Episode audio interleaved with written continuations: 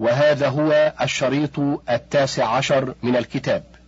قال أبو عمر ليس لأحد من علماء الأمة يثبت حديثا عن النبي صلى الله عليه وسلم ثم يرده دون ادعاء نسخ عليه بأثر مثله أو بإجماع أو بعمل يجب على أصله الانقياد إليه أو طعن في سنده ولو فعل ذلك أحد سقطت عدالته.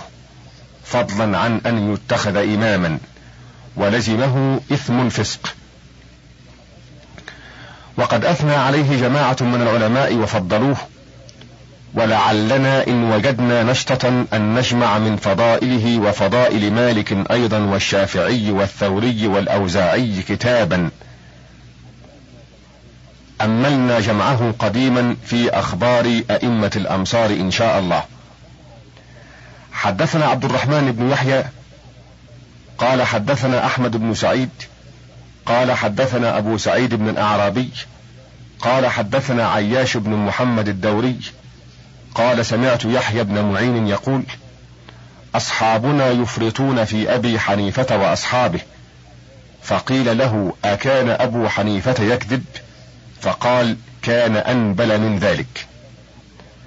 حدثنا عبد الرحمن بن عبد الله بن خالد قال حدثنا يوسف بن يعقوب البجيرمي بالبصرة قال حدثنا العباس بن الفضل قال سمعت مسلمة بن شبيب يقول سمعت أحمد بن حنبل يقول رأي الأوزاعي ورأي مالك ورأي أبي حنيفة كله رأي وهو عندي سواء وإنما الحجة في الآثار حدثنا عبد الوارث قال حدثنا قاسم قال حدثنا أحمد بن زهير قال حدثنا مصعب بن عبد الله قال حدثنا الداوردي قال إذا قال مالك وعليه أدركت أهل بلدنا والمجتمع عليه عندنا فإنه يريد ربيعة بن أبي عبد الرحمن وابن هرمز. باب حكم قول العلماء بعضهم في بعض. حدثنا سعيد بن نصر قراءة مني عليه أن قاسم بن إصبغ حدثهم. قال حدثنا ابن وضاح. قال حدثنا موسى بن معاوية. قال حدثنا عبد الرحمن بن مهدي عن حرب بن شداد عن يحيى بن أبي كثير. قال حدثني يعيش بن الوليد أن مولى الزبير بن العوام حدثه عن الزبير بن العوام أن رسول الله صلى الله عليه وسلم قال دب إليكم داء الأمم قبلكم الحسد والبغضاء. البغضاء هي الحالقة. لا أقول تحلق الشعر ولكن تحلق الدين. والذي نفس محمد بيده. لا تدخلوا الجنة حتى تؤمنوا ولا تؤمنوا حتى تحابوا. ألا أنبئكم بما يثبت ذلك لكم؟ أفشوا السلام بينكم. وحدثنا أحمد بن محمد بن أحمد. قال حدثنا وهب بن مسرة. قال حدثنا ابن وضاح. قال حدثنا أبو بكر بن أبي شيبة. قال حدثنا يزيد بن هارون عن شيبان وهشام عن يحيى بن أبي كثير عن يعيش بن الوليد عن مولى الزبير عن الزبير عن النبي صلى الله عليه وسلم قال دب إليكم داء الأمم قبلكم الحسد والبغضاء فذكر الحديث. وحدثنا خلف بن سعيد. قال حدثنا عبد الله بن محمد. قال حدثنا أحمد بن خالد. قال حدثنا علي بن عبد العزيز. قال حدثنا محمد بن عبد الله الخزاعي.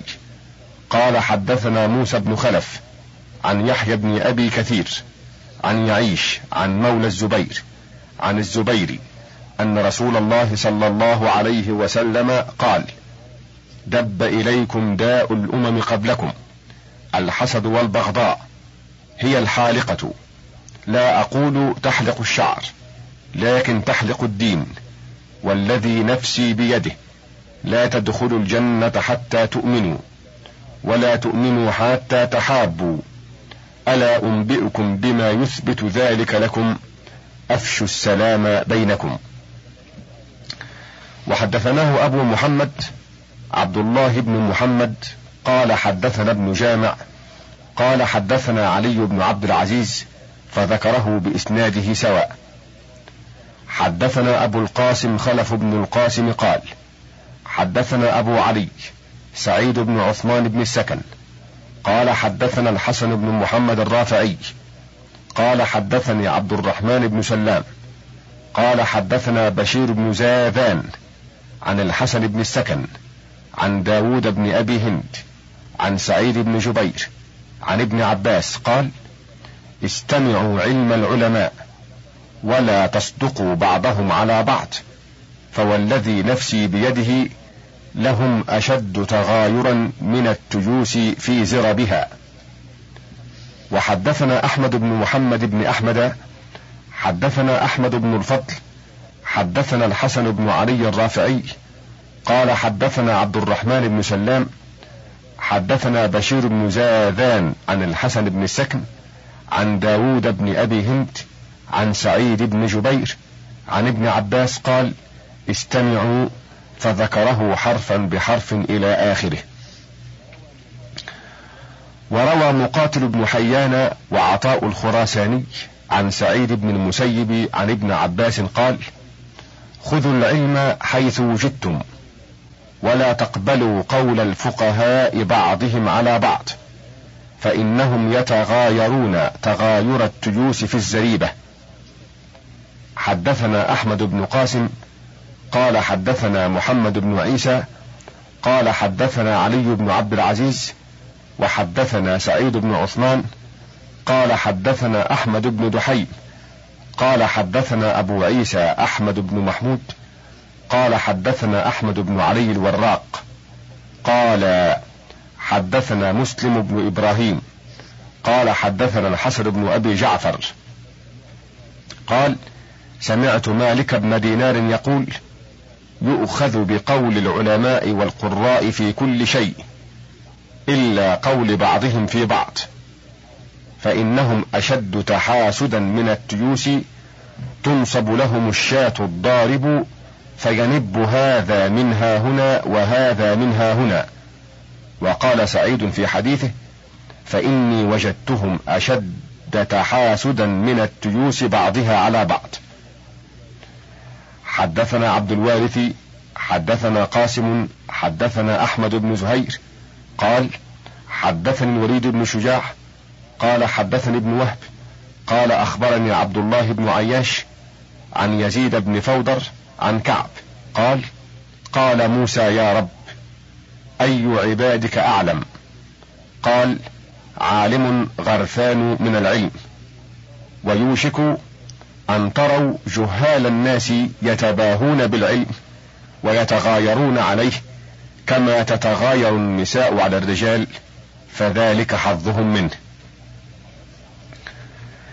حدثنا عبد الرحمن بن يحيى قال حدثنا علي بن محمد قال حدثنا أحمد بن داود قال حدثنا سحنون قال حدثنا ابن وهب قال حدثني عبد العزيز بن حازم قال سمعت أبي يقول العلماء كانوا فيما مضى من الزمان إذا لقي العالم من هو فوقه في العلم كان ذلك يوم غنيمة. وإذا لقي من هو مثله ذاكره وإذا لقي من هو دونه لم يزه عليه حتى كان هذا الزمان فصار الرجل يعيب من هو فوقه. ابتغاء أن ينقطع منه حتى يري الناس أنه ليس به حاجة إليه ولا يذاكر من هو مثله ويزهى على من هو دونه فهلك الناس.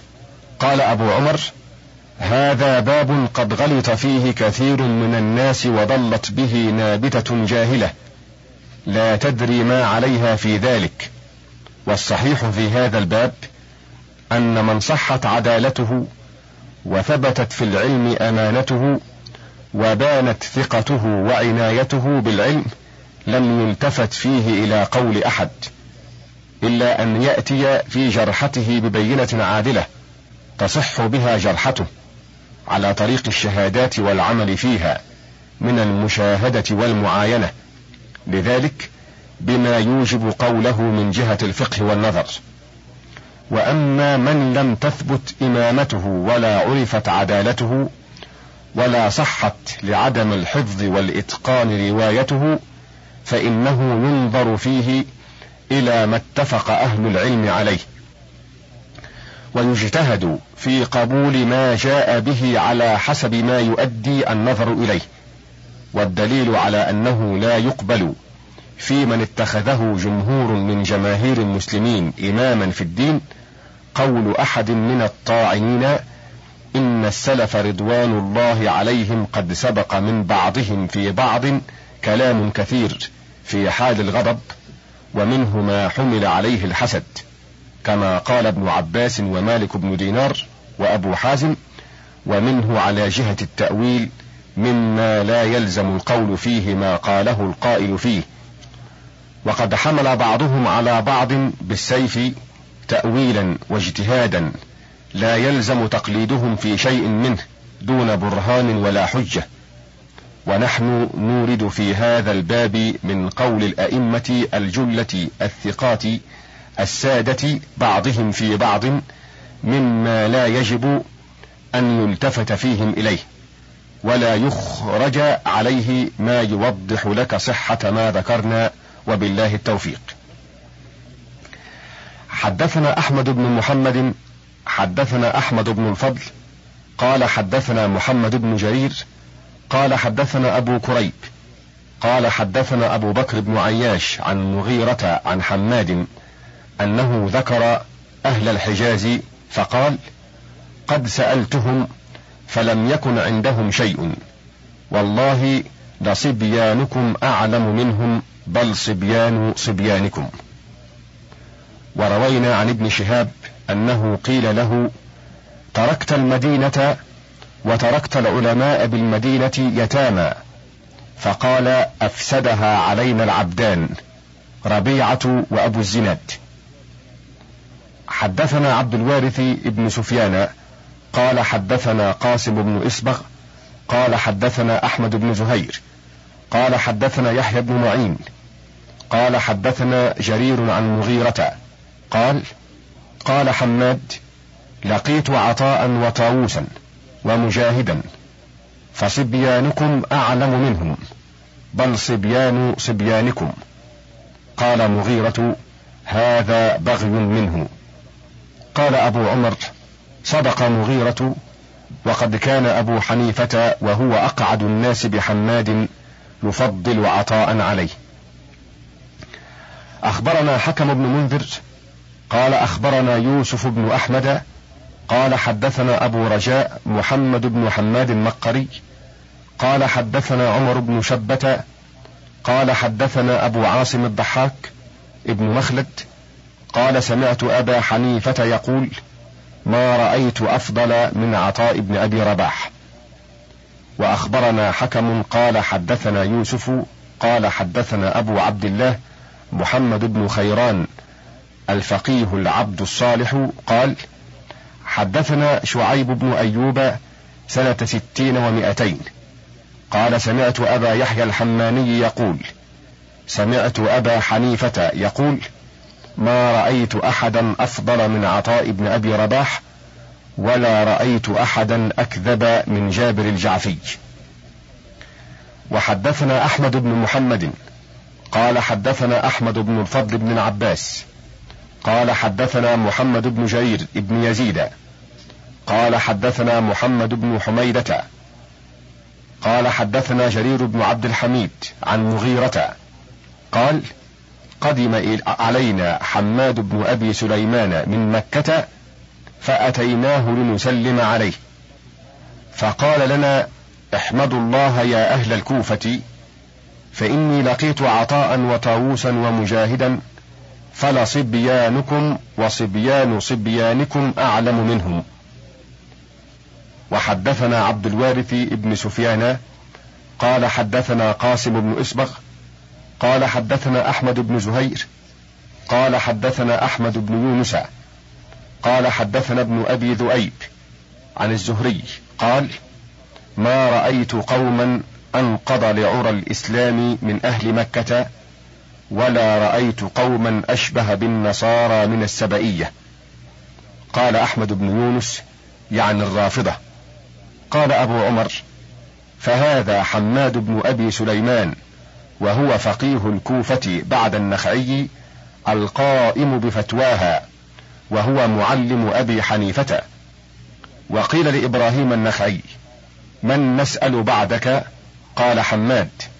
وقعد مقعده بعده يقول في عطاء وطاووس ومجاهد وهم عند الجميع أرضى منه وأعلم.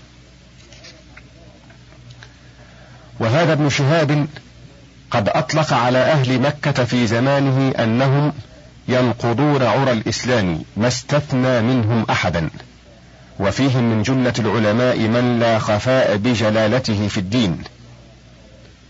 وذكر الحسن بن علي الخولاني قال حدثنا نعيم بن حماد.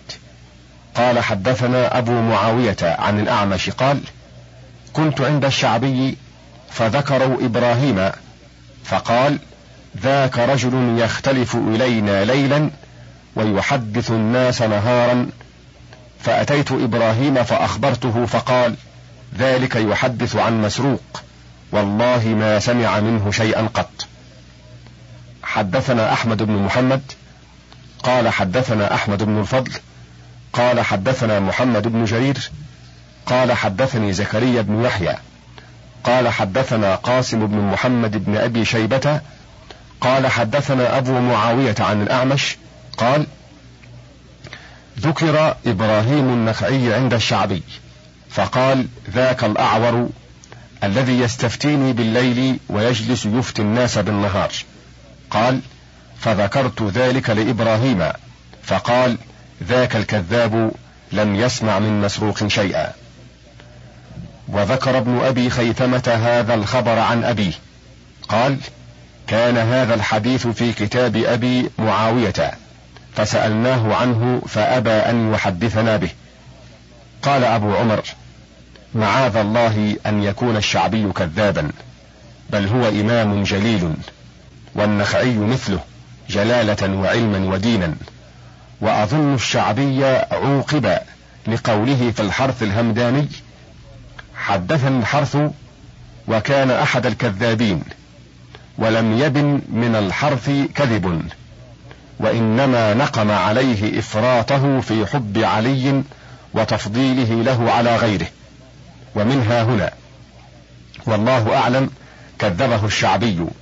لأن الشعبي يذهب إلى تفضيل أبي بكر وإلى أنه أول من أسلم.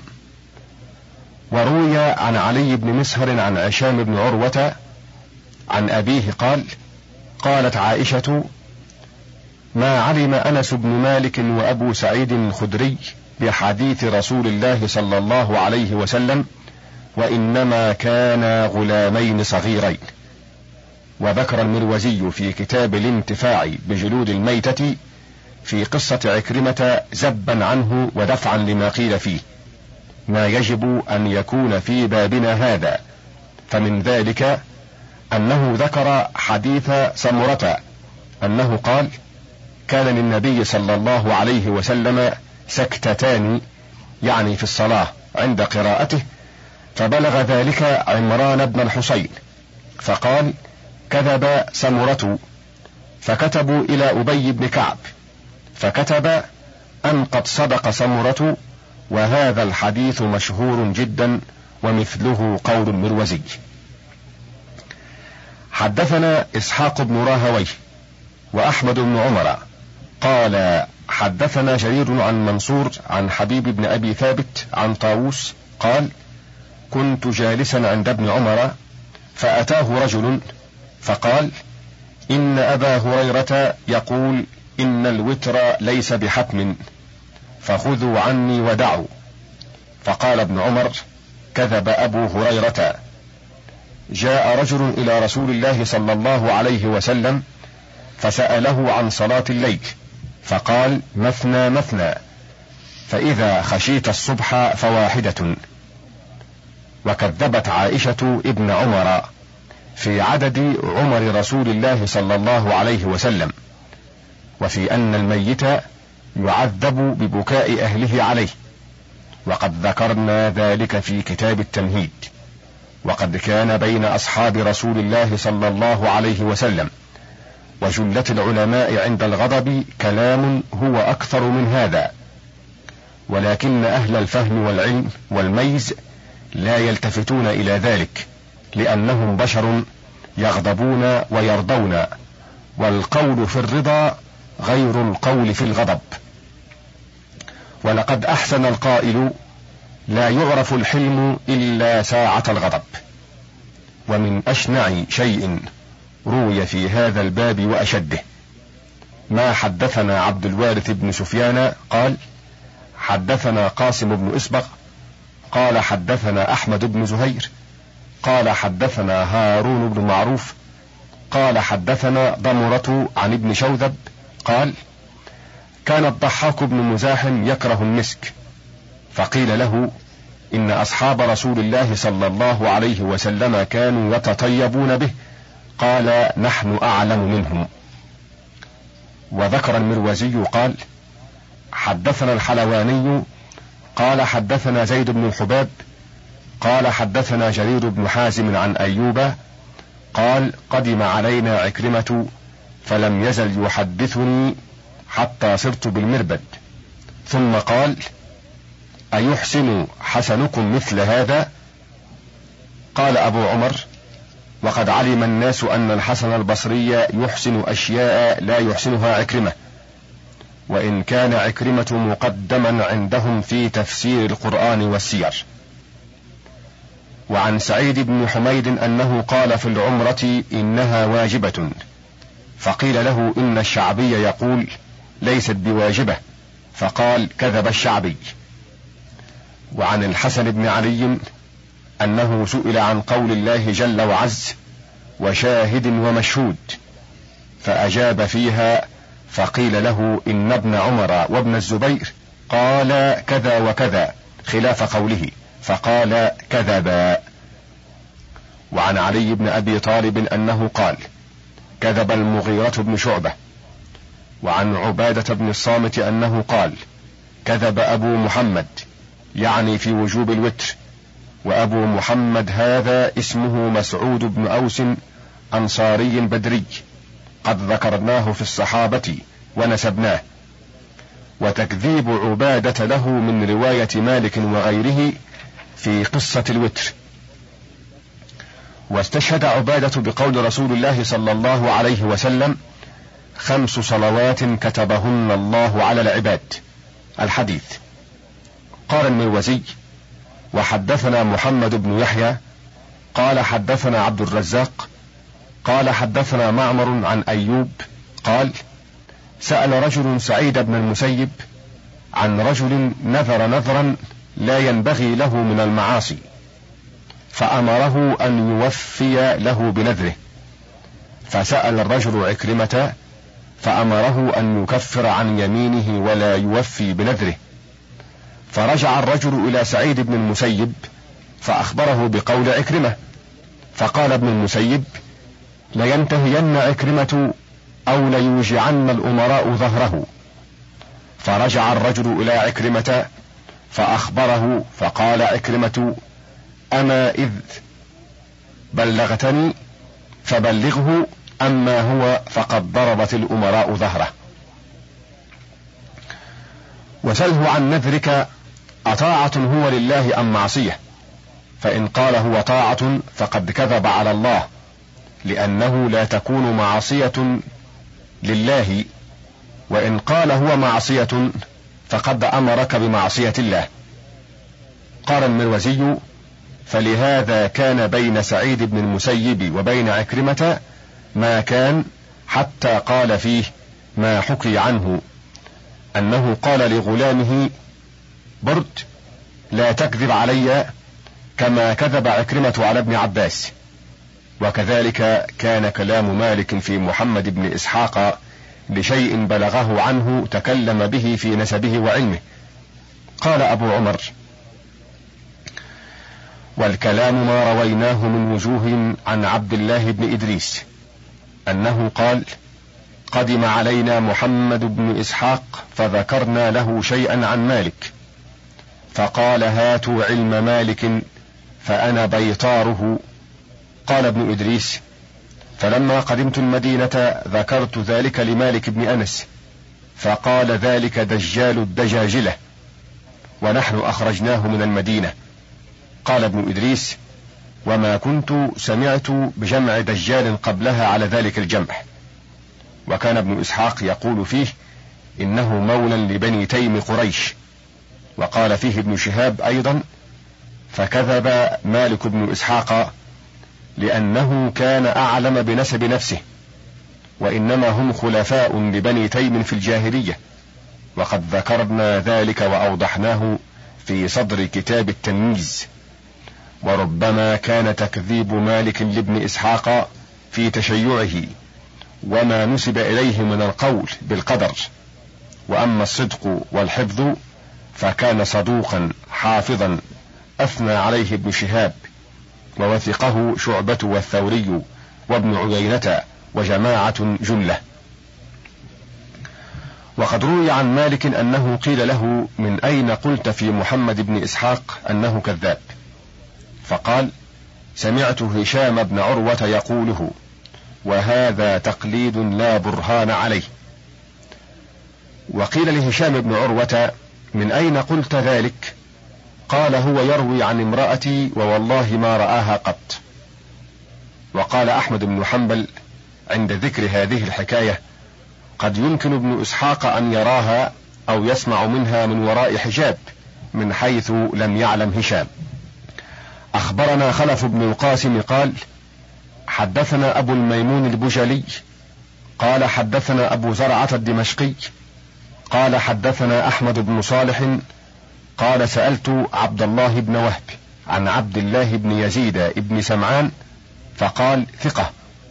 فقلت إن مالكا يقول فيه كذاب. فقال لا يقبل قول بعضهم في بعض. حدثنا أحمد بن عبد الله. حدثنا مسلمة بن القاسم. حدثنا أحمد بن عيسى. حدثنا محمد بن أحمد بن فيروزة حدثنا علي بن خشرمة. قال سمعت الفضل بن موسى يقول دخلت مع أبي حنيفة على الأعمش نعوده. فقال أبو حنيفة يا أبا محمد لولا التثقيل عليك لزدت في عيادتك أو قال لعدتك أكثر مما أعودك. فقال له الأعمش والله إنك علي لثقيل وأنت في بيتك فكيف إذا دخلت علي؟ قال الفضل فلما خرجنا من عنده قال أبو حنيفة إن الأعمش لم يصم رمضان قط ولم يغتسل من جنابه. فقلت للفضل ما يعني بذلك؟ قال كان الأعمش يرى الماء من الماء ويتصحر على حديث حذيفة. حدثنا أحمد بن محمد قال حدثنا أحمد بن الفضل قال حدثنا محمد بن جرير قال حدثنا يونس بن عبد الأعلى قال حدثنا ابن وهب قال مالك وذكر عنده أهل العراق فقال أنزلوهم منكم منزلة أهل الكتاب لا تصدقوهم ولا تكذبوهم وقولوا آمنا بالذي أنزل إلينا وأنزل إليكم وإلهنا وإلهكم واحد الآية. وروينا عن محمد بن الحسن أنه دخل على مالك بن أنس يوما فسمعه يقول هذه المقالة التي حكاها عنه ابن وهب في أهل العراق ثم رفع رأسه فنظر مني فكأنه استحيا وقال يا أبا عبد الله أكره أن تكون غيبة كذلك أدركت أصحابنا يقولون. وقال سعيد بن منصور كنت عند مالك بن أنس فأقبل قوم من أهل العراق فقال تعرف في وجوه الذين كفروا المنكر يكادون يسطون بالذين يتلون عليهم آياتنا. قال وسمعت قتادة يقول متى كان العلم في السماكين؟ يعرض بيحيى بن أبي كثير كان أهل بيته سماكين. وذكر أبو يعقوب يوسف بن أحمد المكي قال حدثنا جعفر بن إدريس المقري قال حدثنا محمد بن أبي يحيى قال حدثنا محمد بن سهل قال سمعت ليث بن طلحة يقول سمعت سلمة بن سليمان يقول قلت لابن المبارك وضعت من رأي أبي حنيفة ولم تضع من رأي مالك قال لم أره علما. حدثنا أحمد بن سعيد بن بشر. قال حدثنا ابن أبي دليم قال حدثنا ابن وضاح. قال حدثنا محمد بن يحيى المصري. قال سمعت عبد الله بن وهب يقول سئل مالك عن مسألة فأجاب فيها. فقال له السائل إن أهل الشام يخالفونك فيها فيقولون كذا وكذا. فقال ومتى كان هذا الشأن بالشام؟ إنما هذا الشأن وقف على أهل المدينة والكوفة. وهذا خلاف ما تقدم من قوله في أهل الكوفة وأهل العراق وخلاف المعروف عنه من تفضيله للأوزاعي وخلاف قوله في أبي حنيفة المذكور في هذا الباب قبل هذا لأن شأن المسائل بالكوفة مداره على أبي حنيفة وأصحابه والثوري. قال عبد الله بن غانم قلت لمالك إنا لم نكن نرى السفرة ولا الكدرة شيئا ولا نرى ذلك إلا في الدم. فقال مالك وهل السفرة إلا دم؟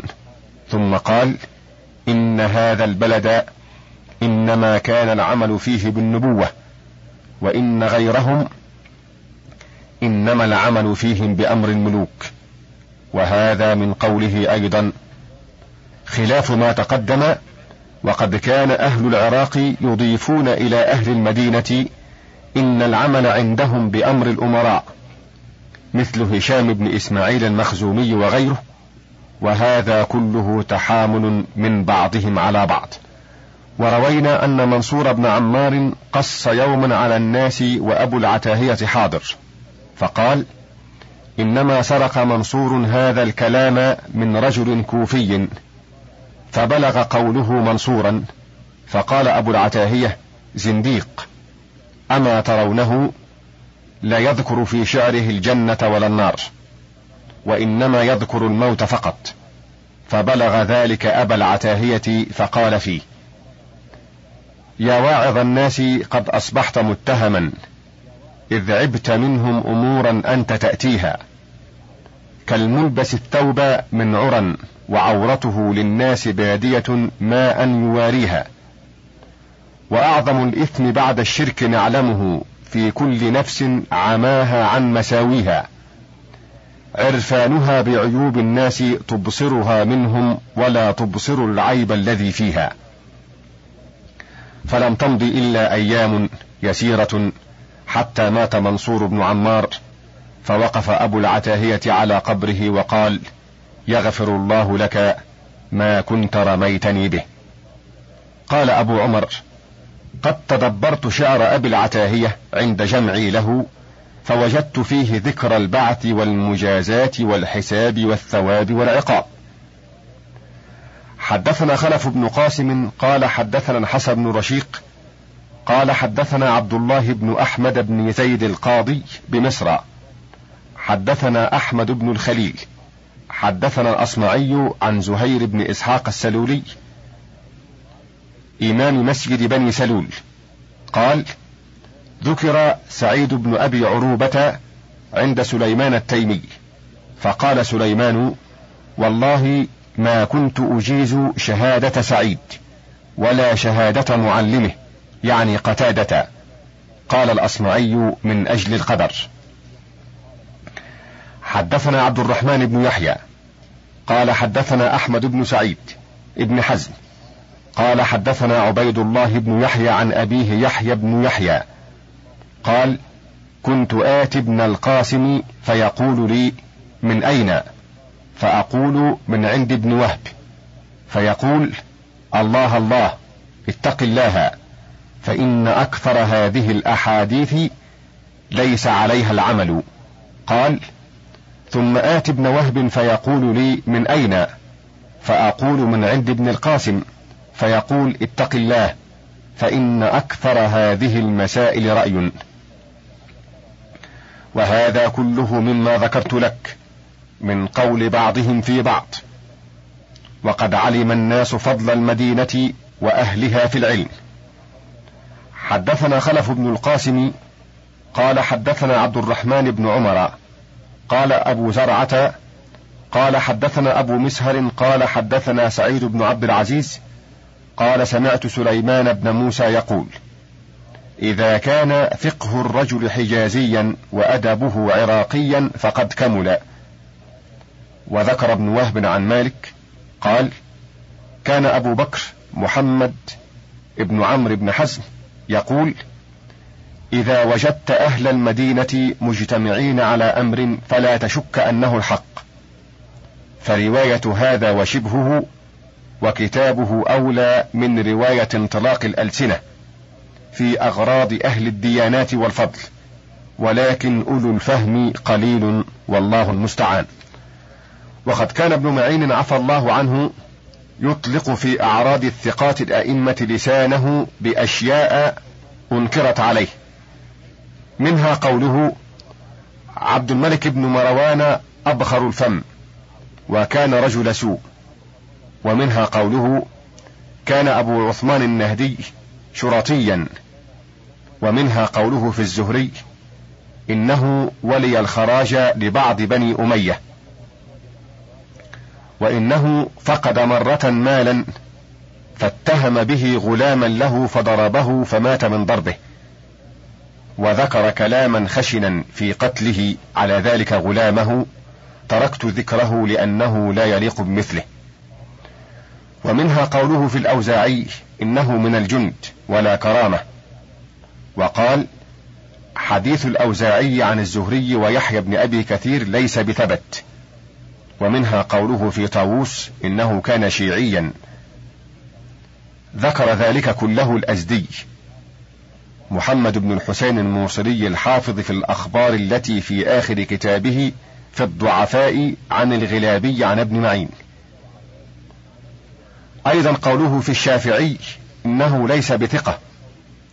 وقيل لأحمد بن حنبل إن يحيى بن معين يتكلم في الشافعي.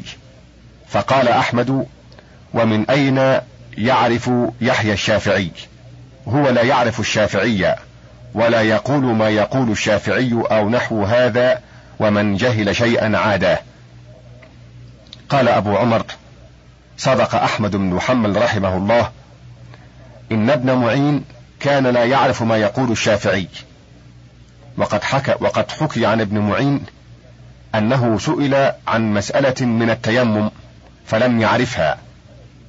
ولقد أحسن أكثم بن صيفي في قوله ويل لعالم أمر من جاهله من جهل شيئا عاداه ومن أحب شيئا استعبده. حدثنا عبد الوارث بن سفيان قال حدثنا قاسم بن إسبغ قال حدثنا ابن زهير قال سئل يحيى بن معين وأنا حاضر عن رجل خير امرأته فاختارت نفسها فقال سل عن هذا أهل العلم. وقد كان عبد الله الأمير ابن عبد الرحمن بن محمد الناصر يقول إن ابن وضاح كذب على ابن معين في حكايته عنه أنه سأله عن الشافعي فقال ليس بثقة. وزعم عبد الله أنه رأى أصل ابن وضاح الذي كتبه بالمشرق وفيه سألت يحيى بن معين عن الشافعي فقال هو ثقة. قال وكان ابن وضاح يقول ليس بثقة. فكان عبد الله الأمير يحمل على ابن وضاح في ذلك. وكان خالد بن سعد يقول إنما سأله ابن وضاح عن إبراهيم بن محمد الشافعي ولم يسأله عن محمد بن إدريس الشافعي الفقيه. وهذا كله عندي تخرص وتكلم على الهوى. وقد صح عن ابن معين من طرق أنه كان يتكلم في الشافعي على ما قدمت لك حتى نهاه أحمد بن حنبل وقال لم تر عيناك قط مثل الشافعي وقد تكلم ابن أبي ذؤيب في مالك بن أنس بكلام فيه جفاء وخشونة كرهت ذكره وهو مشهور عنه. قاله إنكارا منه لقول مالك في حديث البيعين بالخيار وكان إبراهيم بن سعد يتكلم فيه ويدعو عليه وتكلم في مالك أيضا فيما ذكره الساحي في كتاب العلل عبد العزيز بن أبي سلمة وعبد الرحمن بن زيد بن أسلم وابن إسحاق وابن أبي يحيى وابن أبي الزناد وعابوا أشياء من مذهبه وتكلم فيه غيرهم لتركه الرواية عن سعد بن إبراهيم وروايته عن داود بن الحسين وثور بن زيد وتحامل عليه الشافعي وبعض أصحاب أبي حنيفة في شيء من رأيه حسدا لموضع إمامته وعابه قوم في إنكاره المسح على الخفين في الحضر والسفر وفي كلامه في علي وعثمان وفي فتياه بإتيان النساء في الأعجاز وفي قعوده عن مشاهدة الجماعة في مسجد رسول الله صلى الله عليه وسلم ونسبوه بذلك إلى ما لا يحسن ذكره. وقد برأ الله عز وجل مالكا عما قالوه وكان إن شاء الله عند الله وجيها. وما مثل من تكلم في مالك والشافعي ونظرائهما من الأئمة إلا كما قال الأعشى كناطح صخرة يوما ليوهنها فلم يضرها وأوهى قرنه الوعل. ولقد أحسن أبو العتاهية حيث يقول ومن ذا الذي ينجو من الناس سالما وللناس قال بالظنون وقيل وهذا خير من قول القائل وما اعتذارك من شيء إذا قيل. فقد رأينا البغي والحسد قديما ألا ترى إلى قول الكوفي في سعد بن أبي وقاص إنه لا يعدل في الرعية ولا يغزو في السرية ولا يقسم بالسوية وسعد بدري وأحد العشرة المشهود لهم بالجنة وأحد الستة الذي جعل عمر بن الخطاب الشورى فيهم وقال توفي رسول الله صلى الله عليه وسلم وهو عنهم راض.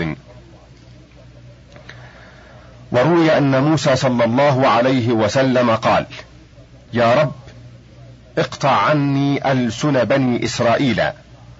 فأوحى الله إليه يا موسى لم أقطعها عن نفسي فكيف أقطعها عنك؟ قال أبو عمر والله لقد تجاوز الناس الحد في الغيبة والذم فلم يقنعوا بذم العامة دون الخاصة ولا بذم الجهال دون العلماء وهذا كله بحمل الجهل والحسد. قيل لابن المبارك فلان يتكلم في أبي حنيفة فأنشد بيت ابن الرقيات حسدوك إن رأوك فضلك الله بما فضلت به النجباء. وقيل لأبي عاصم النبيل فلان يتكلم في أبي حنيفة فقال هو كما قال نصيب سلمت وهل حي على الناس يسلم؟ وقال أبو الأسود الدؤلي حسد الفتى إذ لم ينالوا سعيه فالناس أعداء له وخصوم فمن أراد أن يقبل قول العلماء الثقات الأئمة الأثبات بعضهم في بعض فليقبل قول من ذكرنا قوله من الصحابة رضوان الله عليهم أجمعين بعضهم في بعض. فإن فعل ذلك ضل ضلالا بعيدا. وخسر خسرانا مبينا. وكذلك إن قبل في سعيد بن المسيب قول عكرمة وفي الشعبي والنخعي وأهل الحجاز وأهل مكة وأهل الكوفة وأهل الشام على الجملة. وفي مالك والشافعي وسائر من ذكرنا في هذا الباب ما ذكرنا عن بعضهم في بعض. فإن لم يفعل ولن يفعل إن هداه الله وألهمه رشده فليقف عندما شرطنا في ألا يقبل في من صحت عدالته. وعلمت بالعلم عنايته وسلم من الكبائر ولزم المروءة والتعاون وكان خيره غالبا وشره أقل عمله. فهذا لا يقبل فيه قول قائل لا برهان له به فهذا هو الحق الذي لا يصح غيره إن شاء الله. والذين أثنوا على سعيد بن المسيب وعلى سائر من ذكرنا من التابعين وأئمة المسلمين أكثر من أن يحصوا. وقد جمع الناس فضائلهم وعنوا بسيرهم وأخبارهم فمن قرأ فضائل مالك وفضائل الشافعي وفضائل أبي حنيفة بعد فضائل الصحابة والتابعين وعني بها ووقف على كريم سيرهم وهديهم كان ذلك له عملا زاكيا نفعنا الله بحب جميعهم. قال الثوري رحمه الله عند ذكر الصالحين تنزل الرحمة ومن لم يحفظ من أخبارهم إلا ما بدر من بعضهم في بعض على الحسد والهفوات والغضب والشهوات دون أن يعي بفضائلهم حرم التوفيق ودخل في الغيبة وحاد عن الطريق. جعلنا الله وإياك ممن يسمع القول فيتبع أحسنه. وقد افتتحنا هذا الباب بقوله صلى الله عليه وسلم دب إليكم داء الأمم قبلكم الحسد والبغضاء وفي ذلك كفاية وقد أكثر الناس من القول في الحسد نظما ونثرا وقد بينا ما يجب في ذلك وأوضحناه في كتاب التمهيد عند قوله صلى الله عليه وسلم لا تحاسدوا ولا تقاطعوا ومن صحبه التوفيق أغناه من الحكمة يسيرها ومن المواعظ قليلها إذا فهم واستعمل ما علم وما توفيقي إلا بالله وهو حسبي ونعم الوكيل. وحدثنا عبد الله بن محمد بن يوسف قال حدثنا ابن دحمون قال سمعت محمد بن بكر بن داسة يقول سمعت أبا داود سليمان بن الأشعث السجساني يقول رحم الله مالكا كان إماما ورحم الله الشافعي كان إماما رحم الله أبا حنيفة كان إماما. باب تدافع الفتوى وذم من سارع إليها. أخبرني أحمد بن القاسم وسعيد بن نصر. قال حدثنا قاسم بن إسبغ قال حدثنا محمد بن إسماعيل الترمذي قال حدثنا نعيم بن حماد قال حدثنا ابن المبارك قال حدثنا سفيان عن عطاء بن السائب عن عبد الرحمن بن أبي ليلى قال أدركت عشرين ومائة من أصحاب رسول الله صلى الله عليه وسلم أراه قال في المسجد. فما كان منهم محدث إلا ودان أخاه. قد كفاه الحديث. ولا مفت إلا ودان أخاه كفاه الفتيا. وبهذا الإسناد عن ابن المبارك قال حدثنا سفيان بن عيينة عن ابن شبرمة قال قال ابن مسعود لتميم بن حزلم يا تميم بن حزلم إن استطعت أن تكون المحدث فافعل. أخبرنا عبد الوارث بن سفيان. قال حدثنا قاسم بن إسبق. قال حدثنا أحمد بن زهير. قال حدثني أبي وأحمد بن حنبل. قال حدثنا جرير عن عطاء بن السائب عن عبد الرحمن بن أبي ليلى. قال أدركت عشرين ومائة من الأنصار من أصحاب رسول الله صلى الله عليه وسلم. ما منهم رجل يسأل عن شيء إلا ودان أخاه كفاه ولا يحدث حديثا إلا يود إن أخاه كفاه. حدثنا عبد الله بن محمد بن عبد المؤمن قال حدثنا أبو بكر أحمد بن سليمان بن الحسن النجار ببغداد قال حدثنا عبد الله بن أحمد بن حنبل قال حدثني أبي قال حدثني جرير عن عطاء بن السائب عن عبد الرحمن بن أبي ليلى قال أدركت عشرين ومائة فذكروه سواء. قرأت على عبد الرحمن بن يحيى ابن أبي علي الحسن بن الخضر الأسيوطي. حدثهم قال حدثنا أبو الطاهر وحدثنا خلف بن القاسم قال حدثنا الحسن بن رشيق. قال حدثنا محمد بن رزيق بن جامع قال حدثنا خلف بن القاسم قال أبو المصعب الزهري قال حدثنا مالك عن يحيى بن سعيد ابن الأشج أخبره عن معاوية بن أبي عياش أنه كان جالسا عند عبد الله بن الزبير وعاصم بن عمر قال فجاءهما محمد بن إياس بن البكير فقال إن رجلا من أهل البادية طلق امرأته ثلاثا قبل أن يدخل بها فماذا تريان فقال عبد الله بن الزبير إن هذا الأمر ما لنا فيه قول. فاذهب إلى عبد الله بن عباس وأبي هريرة فإني تركتهما عند عائشة زوج النبي صلى الله عليه وسلم. فسلهما ثم ائتنا فأخبرنا فذهب فسألهما فقال ابن عباس لأبي هريرة أفته يا أبا هريرة فقد جاءتك معضلة. فقال أبو هريرة الواحدة تبينها والثلاث تحرمها حتى تنكح زوجا غيره. أخبرنا عبد الله بن محمد حدثنا محمد بن بكر حدثنا أبو داود حدثنا محمد بن بشار حدثنا عبد الرحمن بن مهدي قال حدثنا مالك بن أنس عن يحيى بن سعيد قال قال ابن عباس إن من أفتى الناس في كل ما يسألونه عنه لمجنون. ورواه وهب عن مالك قال بلغني عن عبد الله بن عباس فذكره قال مالك وبلغني عن ابن مسعود مثل ذلك.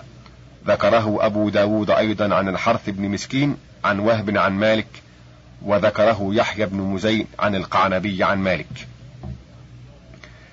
حدثنا عبد الوارث قال حدثنا قاسم قال حدثنا أحمد بن زهير قال حدثنا الوليد بن شجاع قال أخبرني عبد الله بن وهب قال أخبرني محمد بن سليمان المرادي عن شيخ من أهل المدينة يكنى أبا إسحاق قال كنت أرى الرجل في ذلك الزمان وإنه ليدخل يسأل عن الشيء فيدفعه الناس من مجلس إلى مجلس حتى يدفع إلى مجلس سعيد بن المسيب كراهة الفتيا.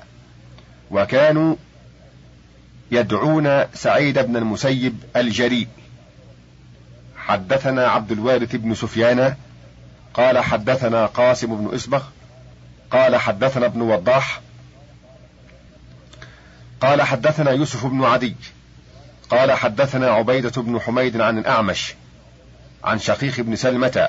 قال قال عبد الله إن الذي يفتي الناس في كل ما يستفتونه لمجنون. وذكر الحسن بن علي الحلواني. قال حدثنا يزيد بن هارون. قال حدثنا ابن عون. قال كنت جالسا في حلقة فيها القاسم بن محمد. فجاءه رجل ومعه جارية. فقال إني أعتقت هذه الجارية عن دبر مني. فولدت أولادا. أفأبيع من أولادها شيئا؟ فقال القاسم ما أدري ما هذا. فقال رجل في المجلس قضى عمر بن عبد العزيز أن أولادها بمنزلتها. إذا أعتقت أعتقوا بعتقها. فقال القاسم ما أرى رأيه إلا معتدلا. وهذا رأيي وما أقول إنه الحق. وأخبرنا عبد الله بن محمد بن عبد المؤمن قال حدثنا عثمان بن السماك قال حدثنا محمد بن عبد القزاز قال حدثنا أبو النضر قال حدثنا شعبة عن حبيب بن أبي ثابت عن أبي وائل عن عبد الله بن مسعود قال من أفتى الناس في كل ما يستفتونه فهو مجنون. حدثنا خلف بن قاسم قال حدثنا ابن شعبان حدثنا إبراهيم بن عثمان حدثنا حمدان بن عمر حدثنا نعيم بن حماد. قال سمعت ابن عيينة يقول أجسر الناس على الفتيا أقلهم علما. أخبرنا عبد الرحمن بن يحيى قال حدثنا علي بن محمد بن مسرور قال حدثنا أحمد بن أبي سليمان. قال سمعت سحنون بن سعيد يقول أجسر الناس على الفتيا أقلهم علما. يكون عند الرجل الباب الواحد من العلم فيظن أن الحق كله فيه. قال سحنون إني لأحفظ مسائل منها ما فيه ثمانية أقوال من ثمانية أئمة من العلماء. فكيف ينبغي أن أعجل بالجواب؟ حتى أتخير فلما ألام على حبس الجواب؟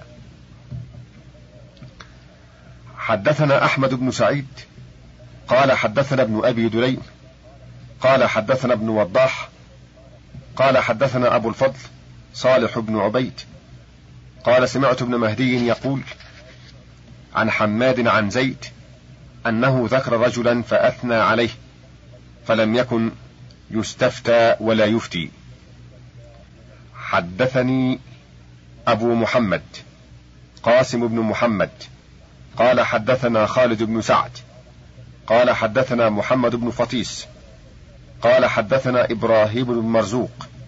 قال حدثنا وهب بن جرير وأبو داود وبشر بن عمر. قالوا حدثنا شعبة.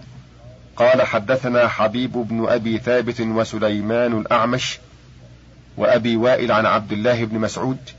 قال من أفتى الناس في كل ما استفتوه فيه فهو مجنون. هذا لفظ حديث وهب بن جرير ولم يذكر أبو داود وبشر بن عمر في حديثهما سليمان الأعمش وأنا جمعت حديثهم. حدثنا عبد الرحمن بن يحيى قال حدثنا علي بن محمد قال حدثنا أحمد بن داود. قال حدثنا سحنون قال حدثنا ابن وهب قال حدثنا أشهل بن حاتم عن عبد الله بن عون عن ابن سيرين قال قال حذيفة إنما يفتي الناس أحد ثلاثة من يعلم ما نسخ من القرآن.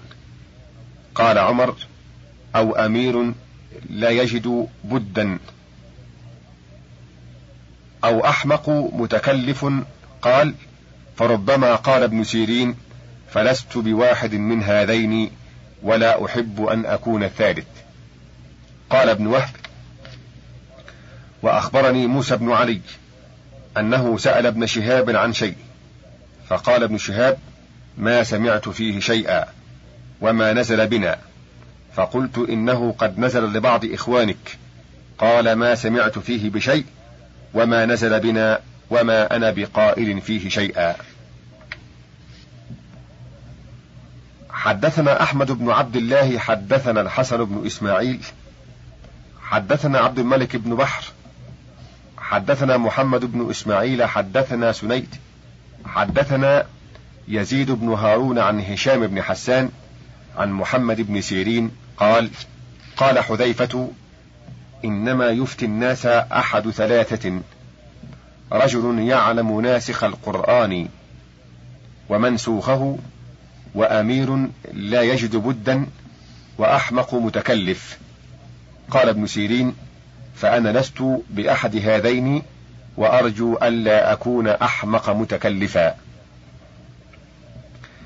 حدثنا خلف بن القاسم قال حدثنا يحيى بن الربيع قال حدثنا محمد بن حماد المصيصي قال حدثنا إبراهيم بن واقد قال حدثنا المطلب بن زياد قال حدثني جعفر بن الحسن إمامنا قال رأيت أبا حنيفة في النوم فقلت ما فعل الله بك يا أبا حنيفة؟ قال غفر لي. فقلت له بالعلم قال ما أضر الفتيا على أهلها؟ فقلت فيما قال بقول الناس فيا. ما لم يعلم الله مني. قال سحنون إنا لله ما أشقى المفتي والحاكم. ثم قال ها أنا ذا يتعلم مني ما تضرب به الرقاب وتوطأ به الفروج وتؤخذ به الحقوق. أما كنت عن هذا غنيا؟ وقال أبو عثمان بن الحداد القاضي أيسر مأثما وأقرب إلى السلامة من الفقيه لأن الفقيه من شأنه إصدار ما يلد عليه من ساعته بما حضره من القول والقاضي شأنه الإناءة والتثبيت ومن تأنى وتثبت تهيأ له من الصواب ما لا يتهيأ لصاحب البديهة. انتهى الشريط التاسع عشر. وللكتاب بقية على الشريط التالي.